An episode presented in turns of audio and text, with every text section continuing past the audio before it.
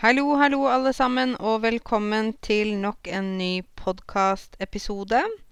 Nå har jeg faktisk klart å lage podkasten på riktig uke. Eh, jeg pleier jo alltid å være litt forsinket på å komme med episoden på mandag eller tirsdag, men nå er det søndag kveld, og jeg hadde litt tid, så da lager jeg den. Um, det har vært en uh, hektisk uke. Jeg har hatt mye jobb. Jeg har mange studenter nå som er uh, veldig stresset i forhold til uh, at det nå skal være norskprøver den kommende uken. det er ikke så mange som skal ta norskprøvene nå, men de som skal ta norskprøvene, er jo som vanlig nervøse og litt sånn stressa. Det er jo naturlig. Eh, for oss alle så er det jo sånn at når vi, når vi skal ta en eksamen eller en prøve, så blir vi eh, med en gang litt stressa fordi vi er under press, og vi vet at det er mye som står på spill. Eh, mye som står på spill, det betyr at det er mye å risikere, ikke sant? For noen så kan det bety at hvis de får B2 på alle nivåer, skrive, lese, lytte og snakke, så kan de komme inn på universitet eller høyskole i Norge. Og hvis de ikke får B2 på alle nivåer, så kommer de ikke inn på universitet og høyskole og må vente et helt år. Uh, så det, det, er mye som står på spill. Uh, det er jo norskprøver også i mai og juni, men da får man resultatet litt sent. Man får det vel i løpet av juli, kanskje begynnelsen av juli. Så det går fortsatt an å søke på høyskole og universitet, men, eh, men da begynner det å haste litt. Når noe haster, da, da har vi dårlig tid. Det haster. Uh, uansett så er det litt sånn spesiell dag i dag, syns jeg, fordi jeg har uh, fått over 25 000 følgere i dag. Jeg har lenge sett at tallet på YouTube har gått oppover på antall eh, abonnenter eller følgere. Men nå hadde det altså kommet over 25 000 følgere på YouTube. Og det er jo bare helt crazy bananas. jeg vet ikke hva jeg skal si. Eh, jeg hadde faktisk også i dag um, uh, laget video nummer 301. Og så lagde jeg video nummer 302 der jeg snakket litt om uh, dette her med at jeg nå har fått over 25 000 følgere. Og at jeg også har laget over 300 videoer på norsk. Og det er jo også litt uh, utrolig. Um, så det, det, er veldig gøy at dette her har blitt såpass stort. og jeg, jeg håper at um, jeg får hjulpet mange. Jeg tror det, i hvert fall. Nå er det jo sånn at dere bare hører på meg, da. Så det, dere blir jo veldig Hvis dere bare hører på meg Dere håper dere hører på andre podkaster og ser på andre videoer på YouTube og ser på filmer og TV-programmer og sånn, sånn at dere ikke bare blir vant med å høre min stemme. For eh, folk er jo forskjellige, og noen snakker annerledes. Eh, noen snakker fortere enn meg, noen har dialekt osv. Så, videre. så jeg tror det er viktig at dere får variert eh, eh, liksom erfaring med norsk, da. Ikke bare at det kommer fra meg. Eh, og spesielt dere som bor på steder der det er dialekter, så er det jo veldig fint hvis dere kan få litt uh, input fra det stedet der dere bor. Norge har jo utrolig mange dialekter, og det er jo sånn at noen av dialektene forstår jo ikke jeg engang. Altså, jeg forstår hva de sier, men det kan være ord som jeg overhodet ikke forstår. Og da eh, Da har jo jeg også et problem, ikke sant. Så Og det er jo litt sånn Grunnen til at vi har så mange dialekter i Norge, er fordi folk gjennom historien har bodd isolert. Vi har mange fjell. Vi har mye skog. Så det har vært folk på ett sted. Og så har det kanskje vært eh, store skoger og fjell som har skilt de fra folk som bor på et annet sted. Så har ikke disse gruppene hatt kontakt. Ikke noe mye kontakt, og da, da, får man jo et isolert språk, ikke sant. Det er, jo, det er jo sånn det er, rett og slett. Så Norge er et lite land med få mennesker. Snart bikker vi 5,3 millioner. Snart, snart. Men allikevel så er det veldig få. Eh, jeg er sikker på at i, i mange av deres hjemland så har dere kanskje fem ganger så mange mennesker som i Norge. Kanskje ti ganger. Jeg vet ikke. Men ja. Um, jeg uh, var på uh, Black Panther på lørdag, altså i går. Og så Black Panther. Det er jo en film som er på kino nå. Eh, det er en film jeg har hørt mye bra om, som jeg var veldig spent på å se. Eh, jeg så den sammen med en venninne av meg og datteren hennes. Eh, datteren hennes har en far som kommer fra Kenya, så hun er halvt kenyansk. Og jeg syns at det var litt kult at hun var med. Datteren er elleve år, da. Så hun kunne komme inn på kinoen i, i følge med mammaen sin. hun kunne ikke kommet på kinoen alene, men barn går jo gjerne ikke på kino alene. Um, fordi denne Black Panther handler jo om Afrika. Og det handler om Det er litt sånn positivt fokus på Afrika. Det har jo faktisk ikke vært noen superhelter opp gjennom tidene som har hatt mørk hud. Hvis dere tenker på ikke sant, Supermann, Batman, Spiderman Hva heter alle disse superheltene? De er jo alle lyse i huden. Og nå var det endelig fokus på noen som var mørke i huden, da. Så hvis du ikke har sett Black Panther, så anbefaler jeg deg å se den. Og hvis du har sett den, så øh, håper jeg at du likte den. Jeg syns i hvert fall den var kjempebra. Eh, det har jo blitt sånn derre Den har jo Den øh, har blitt veldig populær over øh, hele verden, egentlig. Vi sier på norsk at det går som en farsott verden rundt. Den går som en farsott. En farsott Jeg vet ikke helt hva en farsott betyr. Ja, det må være et gammelt ord. Men det betyr i hvert fall at uh, noe går sånn veldig fort, da. Eller vi kan si at uh, den går som ild i tørt gress. Du vet hvis du har gress på sommeren, grass i parkene og sånn, så, øh, grønt gress Og så hvis det ikke kommer regn, og bare kommer sol, så blir gresset tørt. Og det bytter farge fra grønt til gult. Hvis du da eh, får ild i gresset, altså hvis du la oss si du tar en lighter, og så tenner du på gresset, da begynner det å brenne, ikke sant? Og da brenner det fort. Tørt gress brenner fort. Så hvis noe går veldig fort, så sier vi at det går som ild i tørt gress. Ja. Jeg har fått noen henvendelser i forhold til hva slags uh, uh, ting som jeg skal snakke om i podkasten. Jeg har jo alltid mye jeg kan snakke om, men det er veldig fint når jeg får sånne tilbakemeldinger fra dere. Uh, spørsmål eller ting dere ønsker at jeg skal snakke om, og det er jo veldig fint. Um, har en lytter som har uh, spurt meg om uh, hvor nordmenn liker best å reise på ferie. Um, det kan jeg fortelle litt om. Det er jo sånn at hvis vi ser tilbake i tiden, da, så var det jo før uh, Før, da snakker vi 40 år, 30 år siden, kanskje også 20 år siden, så var det sånn at nordmenn stort sett ikke reiste så mye ut av Europa. Det var ikke så veldig vanlig. Uh, da reiste veldig mange til Danmark, på Legoland, med, hvis man hadde familie.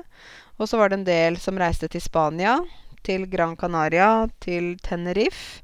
En del reiste til Hellas, til Kreta og en del andre øyer. Uh, så liksom først så var det mest Europa. Da var det veldig stas. At noe er stas, betyr at det er sånn Å, oh, wow! Dette er helt fantastisk. Det er veldig stas.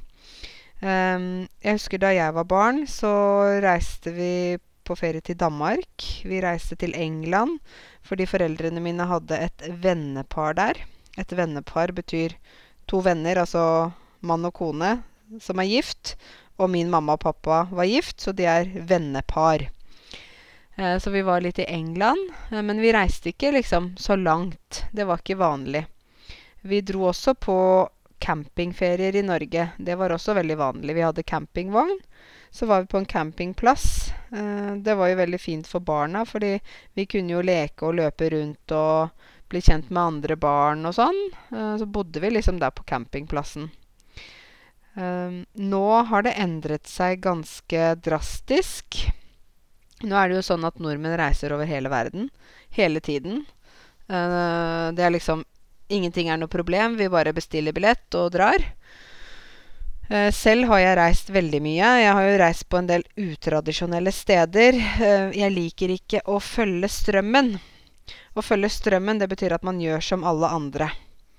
Så jeg er ikke så glad i å følge strømmen, og sånn sett er jeg kanskje litt utradisjonell nordmann. For mange nordmenn liker å gjøre det alle gjør. Nå må jeg være forsiktig med å påstå noe, men jeg, jeg vil si at mange nordmenn gjør mye av det samme. De gjør de samme aktivitetene og reiser til de samme stedene og, og sånn osv. så. Um, nå er det sånn at mange nordmenn drar til USA. Uh, Los Angeles, Miami, New York. Um, det har blitt vanlig. Uh, en del nordmenn reiser til Afrika på safari. Ikke sant? Kenya, Tanzania osv. Vi har vel gjennom historien også reist til Nord-Afrika, altså Egypt, Marokko, Tunisia og sånn. Så det har vi gjort før. Jeg vet at min mamma og pappa var i Marokko. Det var på 80-tallet. Eh, en del reiser til Japan og Kina. Veldig mange reiser til Thailand. En del reiser til Brasil. Eh, noen reiser til uh, Ja, fortsatt i Europa, da. Ikke sant? Spania, Hellas, eh, Kypros, Portugal, Italia osv. Albania har begynt å bli populært. Men det, det handler ofte om varme steder. Hvorfor det? Fordi det er så kaldt her. Det, dere som bor her, vet det. Dere forstår godt hva jeg mener. Um, fordi at når du, når du, går rundt i kulde i mange måneder, ikke sant du, du, går liksom bare Du pakker deg inn i jakke, lue, votter, vanter, og så bare du bare har et mål. OK, jeg skal gå fra huset mitt til busstoppen, og så går jeg inn på bussen. Det er, liksom, det er ikke sånn at du går rundt og hilser på alle. 'Hei, og hva gjør du?' og Du bare går fra A til B. Fordi du fryser, ikke sant. Så eh, kroppen trenger sol. Kroppen trenger D-vitamin. Eh, vi lengter etter solen. Vi savner solen, ikke sant. Eh, og derfor er det viktig å oppsøke solen også. Ikke bare, ikke bare se den her hjemme, men også dra til steder der det er varmt. Det er jo sunt. Um, dere har kanskje, kanskje noen av dere har sett nordmenn i skogen, eller når du går tur, altså når det begynner å bli vår, og når sola varmer. Har dere sett når noen nordmenn bare står i skogen, eller står med ansiktet mot solen? Øynene er lukket, og så står de bare der. Og så får de solen på ansiktet. Det kalles å myse mot solen. Å myse mot solen, da, da står man liksom og tar solen innover kroppen og innover ansiktet. Uh, det gjør vi når, vi når vi kjenner at solen begynner å varme. Da bare står vi rett opp og ned, lukker øynene og bare lar solen komme i ansiktet. Vi myser mot solen. Men det ser kanskje litt rart ut. Um, det er en del uh, ungdommer, eller unge voksne, som reiser på backpackertur. Da har de en rute, gjerne, at de skal reise i tre måneder eller seks måneder eller noe sånt. Og så har de spart opp mye penger på forhånd. Uh, da tar de f.eks. OK, jeg skal reise i Sør-Amerika. Så reiser de da i Brasil, i Argentina, i Chile, Bolivia, Colombia osv. Mexico. Så kommer de tilbake. Så eller så Nei, nå skal jeg reise rundt i Asia. Asia er jo veldig stort, da. Kanskje de begynner i Kina, og så reiser de til Vietnam og Thailand og Myanmar og eh, Kambodsja osv. Og, så og så kommer de tilbake når de ikke har mer penger, ikke sant. Så det er jo sånt som uh, er veldig populært. Og hvorfor reiser vi så mye? Vel, det er jo fordi vi har penger til det. Det er fordi vi uh, liker å reise. Fordi vi er mindre redde enn hva vi var før. Verden er jo blitt mindre også, på en måte. Altså verden er den samme, men det er liksom så lett å, å reise nå. Samtidig så har vi norsk pass, og det gjør at vi kan komme inn i de fleste land i verden. Det er ikke så mange land vi ikke kommer lett inn i. Vi må, vi må jo kanskje søke om visum, men vi kommer inn. Så det er ikke noe spørsmål om vi kan reise eller ikke reise. Det er egentlig bare tid og penger og lyst som hindrer oss. Um, selv så har jeg jo reist i veldig mange land. Jeg har jo også bodd i utlandet, så for meg så er det veldig naturlig å reise. Jeg flyttet jo til Canada da jeg var 18 år. Uh, men det var min første lange reise, da. Jeg hadde jo aldri reist med familien min før, så jeg var litt sjokkert. Jeg husker jeg dro fra Åmot, det lille stedet jeg kommer fra, rett til Gardermoen. Og så tok jeg flyet da alene til Schiphol i Amsterdam. Ventet der litt, og jeg hadde aldri hatt transit før, ikke sant. Og så skulle jeg da direkte til Vancouver i Canada. Og da var jeg litt skremt. Eller jeg var litt vettaskremt. vettaskremt er vel litt sånn dialektord. Det betyr at man er veldig redd. Men det gikk bra. Og da var jeg jo på den andre siden av verden. Og det var den første gangen jeg egentlig opplevde jetlag. Ikke sant? Når det er tidsforskjell, så opplever man jetlag. Og da Det syns jeg var veldig rart. Å våkne midt på natta og være lys våken. Når man er lys våken, så er man helt 100% våken, ikke trøtt. Og så, eh, etter hvert, da, så kom jeg jo inn i den tidssonen jeg var i. Eh, men da hendte det at min familie glemte at vi hadde forskjellige tidssoner, og ringte meg midt på natta, ikke sant. Fordi at de, de tenkte liksom ikke over at jeg kanskje sov når de var våkne, osv. Um, ehm, jeg har jo vært leder på sommerleire for barn tre ganger. Noe som heter CISV. Uh, det står for Children's International Summer Villages. Det er en sånn organisasjon som ble startet i USA på 50-tallet, rett etter andre verdenskrig. Da var det en uh, amerikansk barnepsykolog som het Doris Allen, som uh, begynte å tenke på liksom OK, hvordan kan vi forhindre, altså hvordan kan vi stoppe en tredje verdenskrig? Nå har vi hatt første verdenskrig, andre verdenskrig med Hitler og alt det som skjedde da, under nazitiden og sånn. Hvordan kan vi forhindre at det kommer en tredje verdenskrig. Og da tenkte hun det at vi må begynne med barna. For de voksne har allerede fått sin egen religion, sitt politiske synspunkt er allerede formet, mens vi voksne øh, kan gjøre noe med barna. Barna kommer jo Altså, barna blir jo født inn i verden helt uskyldige, ikke sant. De har ikke tatt en religion, de har ikke tatt et politisk synspunkt. De er nøytrale. Um, så hun tenkte at ok, da må vi begynne med de barna som er mottakelige for påvirkning. At man kan lære de noe, samtidig som at de ikke er blitt tenåringer. For når de er tenåringer, altså 14 år, da begynner de å bli litt sånn opprørske. Å være opprørsk betyr at man skal ikke sant? Hvis foreldrene sier 'nei, du må gjøre sånn', da sier de 'nei, jeg vil ikke gjøre sånn'. Ikke sant? Så da bestemte hun at det beste alderen, det er 11 år. Da er man ganske stor, forstår mye, samtidig som man ikke har blitt 14 år. Og så begynte de da med eh, den første leiren i USA. Jeg tror det var 1952, eller noe sånt. Og da var det seks land som var med, og da var Norge et av de landene. Og etter hvert så har den CISV det har utviklet seg og blitt større og større. Og nå har de et nettverk med over 60 land som er medlemmer. Det er eh, kjempemange sånne sommerleire, sommercamp, rundt om i verden hver eneste sommer. Eh, og så reiser det delegasjoner fra kjempemange land. Så jeg har vært delegasjonsleder for norske delegasjoner. Og da er det to jenter og to gutter, som alle er elleve år.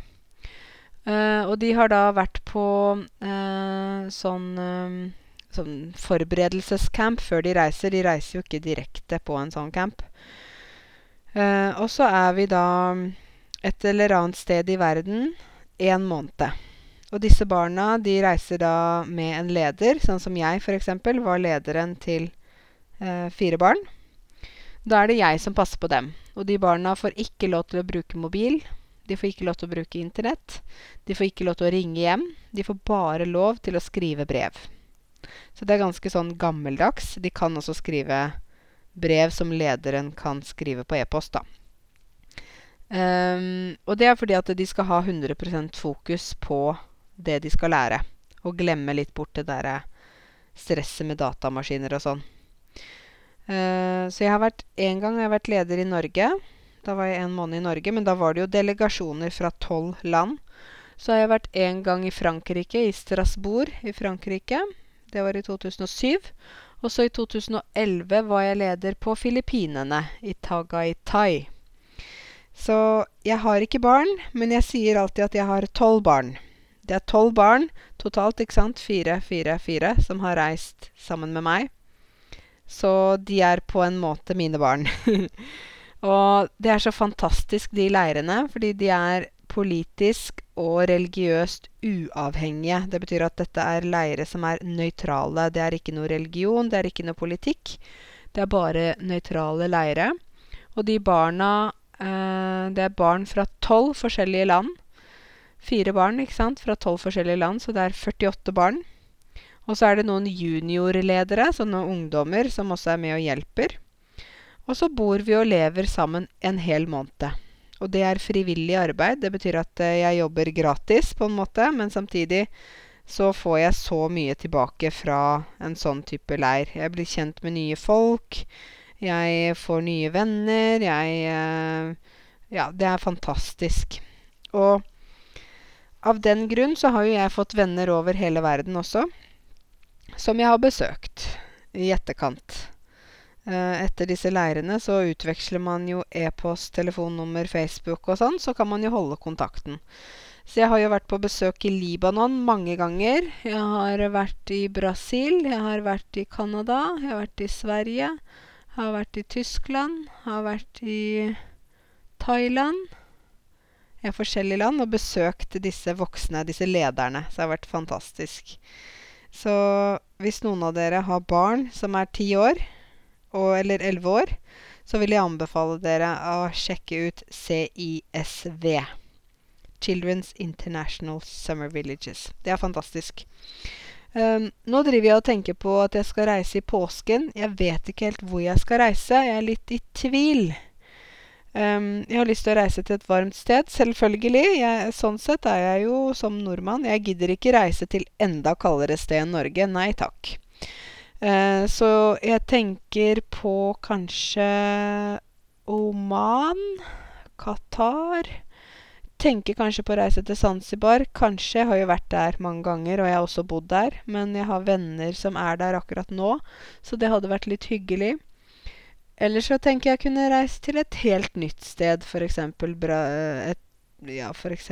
Argentina eller Uh, Malaysia eller Ja. Jeg er veldig sånn åpen, så jeg driver og vurderer hvor jeg skal reise uh, snart. Så får vi se hvor, hvor jeg ender opp. Um, jeg vet ikke hvor dere liker å reise, men mange av dere reiser kanskje direkte til hjemlandet når dere kan reise. Um, vi som bor her, vi bor jo her, så vi liker jo å reise da til andre land. Og hvorfor reiser vi til alle mulige land? Vel, det er fordi vi syns det er spennende. Vi syns det er givende.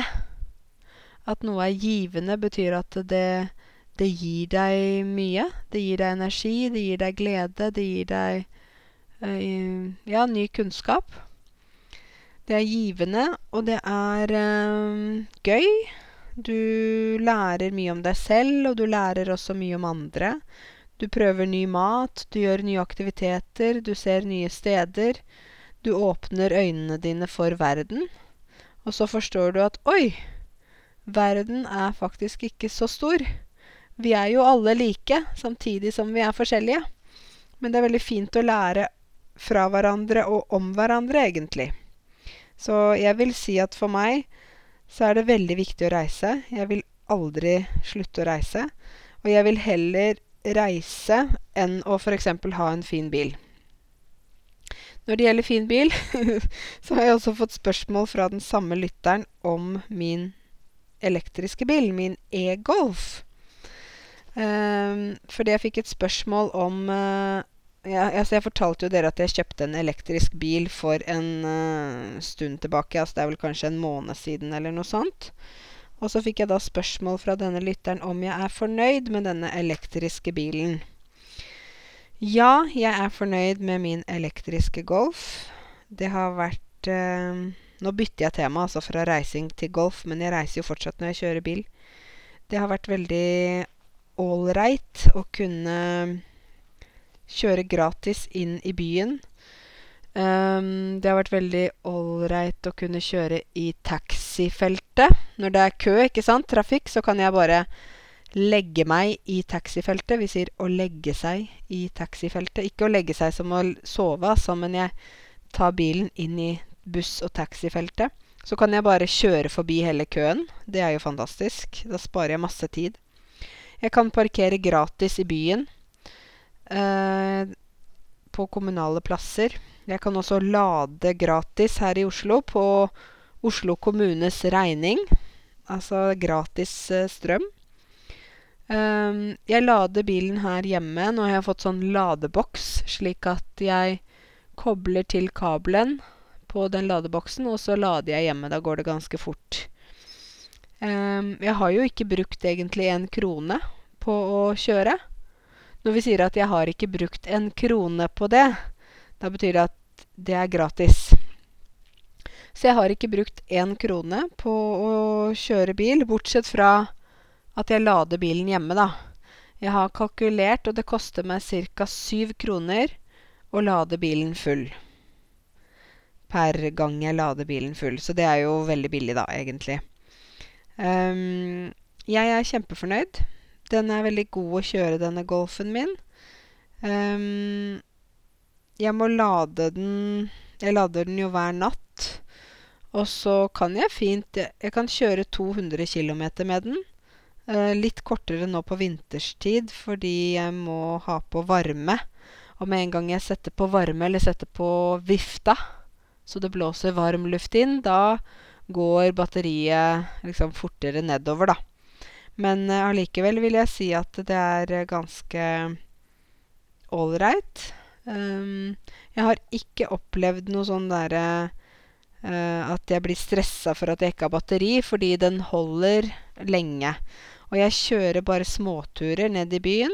Uh, ned til byen og hjem igjen og på butikken og kanskje besøker noen osv. Jeg har kjørt fra Oslo til Drammen frem og tilbake uten problemer, uten å lade. Så um, jeg er ikke noe nervøs for det, egentlig. Og jeg har den andre bilen min. Den uh, har jeg nå satt ut på Nabobil. Det er en webside som heter nabobil.no. Og på denne websiden så kan man leie ut bilen sin dersom man har en bil man ikke bruker, eller la oss si man skal reise på ferie, og bilen skal stå hjemme. Så kan man øh, leie ut bilen sin. Det gjorde jeg for øh, et par år siden for første gang. Eh, da var jeg borte en måned. Jeg var på ferie i Libanon. Og da hadde jeg bilen min i Oslo sentrum. Og så la jeg nøklene på 7-Eleven, eh, på en kiosk. Og så øh, var det folk som booket bilen min da på den websiden, på Nabobil. Uh, og så måtte jeg svare ja eller nei til de. Og hvis jeg svarte ja til de, så måtte jeg gi de en kode for å hente den nøkkelen. Da måtte de gå til 7-Eleven og si 'Hei, jeg skal hente nøkkel til bilnummer bla, bla, bla'. Og så sa de 'OK, hva er koden?' Og så måtte de gi koden. Og da fikk de nøkkelen, og så kunne de ta bilen min og kjøre. Og så måtte de levere bilen innen en viss tid, inntil da de var ferdig med å leie den. Og så ble det da kalkulert hvor mye de hadde brukt bilen, og så fikk jeg penger på konto mens jeg var i utlandet. Og jeg hadde ikke engang møtt disse menneskene som leide bilen min. Så mine venner i Libanon ble veldig overrasket. Hæ? Kan du sette bilen din bare i sentrum sånn, og bare legge nøkkelen på 7-Eleven og stole på at det går bra? Vel, ja, du kan det. Og jeg vil jo si at en ting som er bra med nordmenn, er at nordmenn er stort sett til å stole på. Vi er ærlige. Uh, vi lyver stort sett ikke. Um, F.eks. hvis du mister lommeboka di i Norge, så er det stor sjanse for at du får den tilbake. Uten at noen har tatt pengene dine. Så vi er ganske ærlige, så vi stoler på hverandre. Å stole på noen betyr at du tenker at de snakker sant, og at de ikke snur ryggen til deg. Hvis noen snur ryggen til deg, ikke sant, da betyr det at de avviser deg. Men nordmenn er sånn sett veldig ja, snille til å stole på. Hyggelige. Jeg vil si det. Det har vel kanskje dere erfart også. Så det er litt gøy. Så jeg skal leie ut den bilen min. Jeg har nå en Volkswagen Toran. og den leier jeg ut på nabobil. Sånn at uh, jeg har allerede fått en booking for påskeferien. Da er det noen som skal leie den bilen, og da er det jo sånn at jeg ikke bruker den nå i det hele tatt. Den står jo bare der, så det er jo veldig fint hvis noen kan bruke den, og jeg kan tjene penger uten å gjøre noe. det vil jeg si er en veldig bra deal. Så hvis noen av dere også trenger å leie bil, eh, så kan dere se der dere bor, ikke sant. Nabobil.no, og så kan dere sjekke om det finnes biler i nærheten. Den type bil du trenger. Hvis du trenger å låne en kassebil fordi du skal flytte, ikke sant, en stor bil, så kan det hende at det er billigere å leie på nabobil enn det er å leie fra disse herre Hva heter det? Hatch eller Avis bilutleie eller noe sånt. Ja. Mm. Så Men jeg kan anbefale elektrisk bil. Jeg syns det er helt supert. Jeg har også fått spørsmål fra den samme lytteren om min Bahia. Min hund som heter Bahia. Eh, jeg har fått spørsmål om hva du må gjøre for å ha en hund i Norge. Hvordan, hvordan det er å ha hund i Norge. Vel, jeg har jo vokst opp med hunder. Vi har alltid hatt dyr i familien. Jeg kommer ikke fra en bondegård, men jeg kommer fra en familie eh, der eh, vi er veldig glade i dyr. Vi er dyrevenner. Vi elsker dyr. Så da jeg vokste opp, hadde vi alltid minimum to katter. Vi hadde minimum én hund, ofte to hunder. Vi hadde kaniner, vi hadde hamstere, vi hadde marsvin, vi hadde ørkenrotter. vi hadde fisker. Altså, jeg vet ikke hva. Så jeg skaffet meg eh, hund i 2012, da jeg kom tilbake fra Zanzibar. Da tenkte jeg at nå er det på tide å få seg en hund. Eh, jeg visste jo at det var mye ansvar, og at det var en del eh, ting som man må passe på, men samtidig så føler jeg at den gleden som Bahia gir meg, den er virkelig verdt det ansvaret jeg har også, da. Bahia er en veldig rolig og snill hund. Hun er en border collie, så hun er egentlig en gjeterhund som liker å passe på sauer. Men uh, Bahia har vokst opp i byen, så hun vet ikke så mye om sauer, egentlig. Uh, jeg kjøpte henne på Finn. På Finn kan du jo Du kan finne alt på Finn. Jeg har kjøpt uh, huset mitt på Finn, jeg har kjøpt bilen min på Finn, hunden min på Finn. Um, ja, jeg har kjøpt veldig mye forskjellig på Finn. Um, så det er i hvert fall veldig ok at, uh, at jeg kan ha en hund. Jeg kjøpte henne på Finn, og jeg husker faktisk at jeg tok fly for å hente henne. For hun kom fra et lite sted som heter Tau utenfor Stavanger. Så jeg tok fly til Stavanger flyplass. Og så møtte jeg de som hadde eh, foreldrene til Bahia, da, og valpene. Og så hentet jeg henne da på flyplassen og tok henne med tilbake til Oslo. Så vi tok fly sammen. Da var hun veldig liten, veide bare 20 kilo. Nei, unnskyld, hun veide bare 4 kilo. Og i dag veier hun 20 kilo. Så da måtte jeg jo eh, I Norge så må du gi hunden din vaksiner, slik at den eh, ikke får, de, får sånne sykdommer så bør du Du må ikke chippe den. Å chippe betyr at du setter en liten sånn data, sånn chip under huden deres, slik at du kan registrere telefonnummer, adresse, navn på hunden, navn på eieren og sånn, så det ligger inni et elektronisk register. Men hun er chippet, da, så hun har en chip under huden sin, i tilfelle hun for eksempel uh, løper vekk, eller hun blir borte. Så det er veldig øh, smart. Um, og så er det jo sånn at hvis, hvis jeg f.eks. skal reise med henne det, det, kommer jeg ikke til å gjøre. Men hvis jeg skulle reist til utlandet uh, da måtte hun hatt eget pass. Hun måtte hatt et pass for hunder. og hvis jeg skal reise til Sverige med henne, da er det litt stress. Da må hun ha pass. Og så må hun ta en spesiell tablett før hun uh, reiser inn i Sverige. Og hun må også ta den tabletten før hun kommer tilbake til um, Norge. Det er i forhold til noe sånn en eh, Jeg tror det er en orm. En sånn mark eller orm som du vet de kan få i magen. Ikke slange, men orm. En sånn liten som kan gå inn i tarmene. Eh, den finnes i Sverige blant f.eks. rever. Men det finnes ikke i Norge. Så det er jo Egentlig synes jeg det er litt tullete.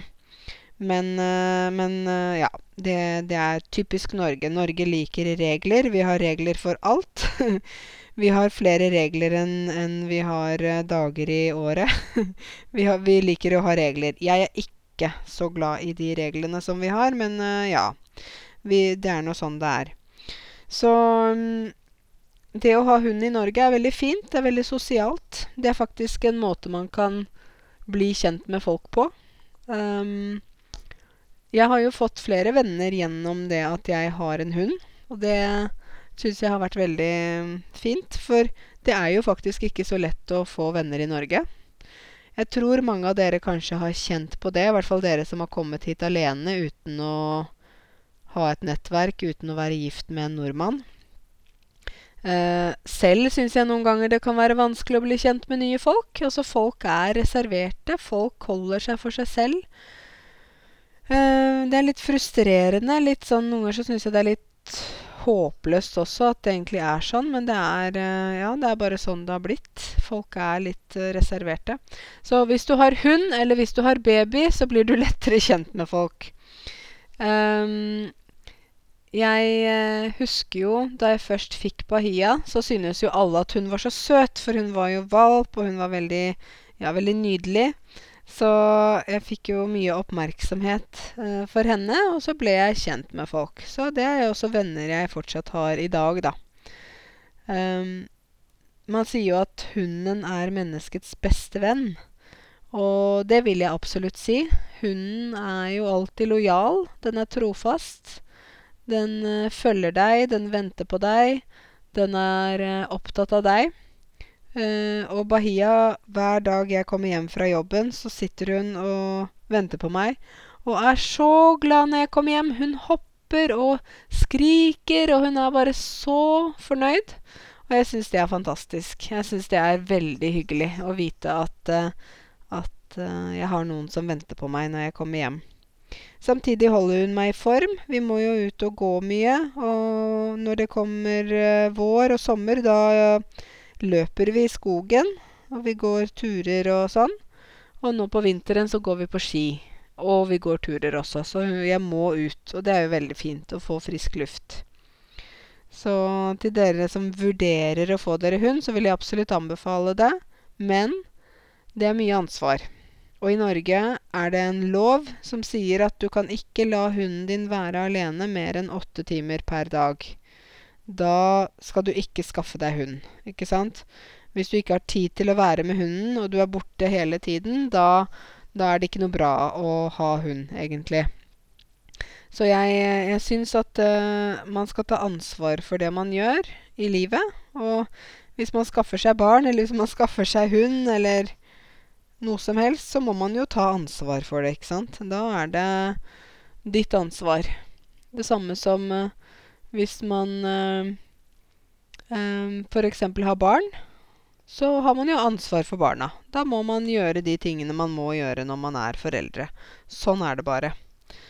Uh, og hvis man ikke, ikke f.eks. klarer å ta ansvar for uh, barn, eller man egentlig har en jobb som krever altfor mye, da bør man kanskje tenke på at man heller bør redusere stillingen sin på jobb. Ikke ha, jobbe så mye eller noe sånt hvis man skal ha familie, da. Så ja. Nå skal jeg ta fatt på en ny uke. Uh, den uken som kommer, er det norskprøver. Jeg skal være sensor på B1-B2-nivå.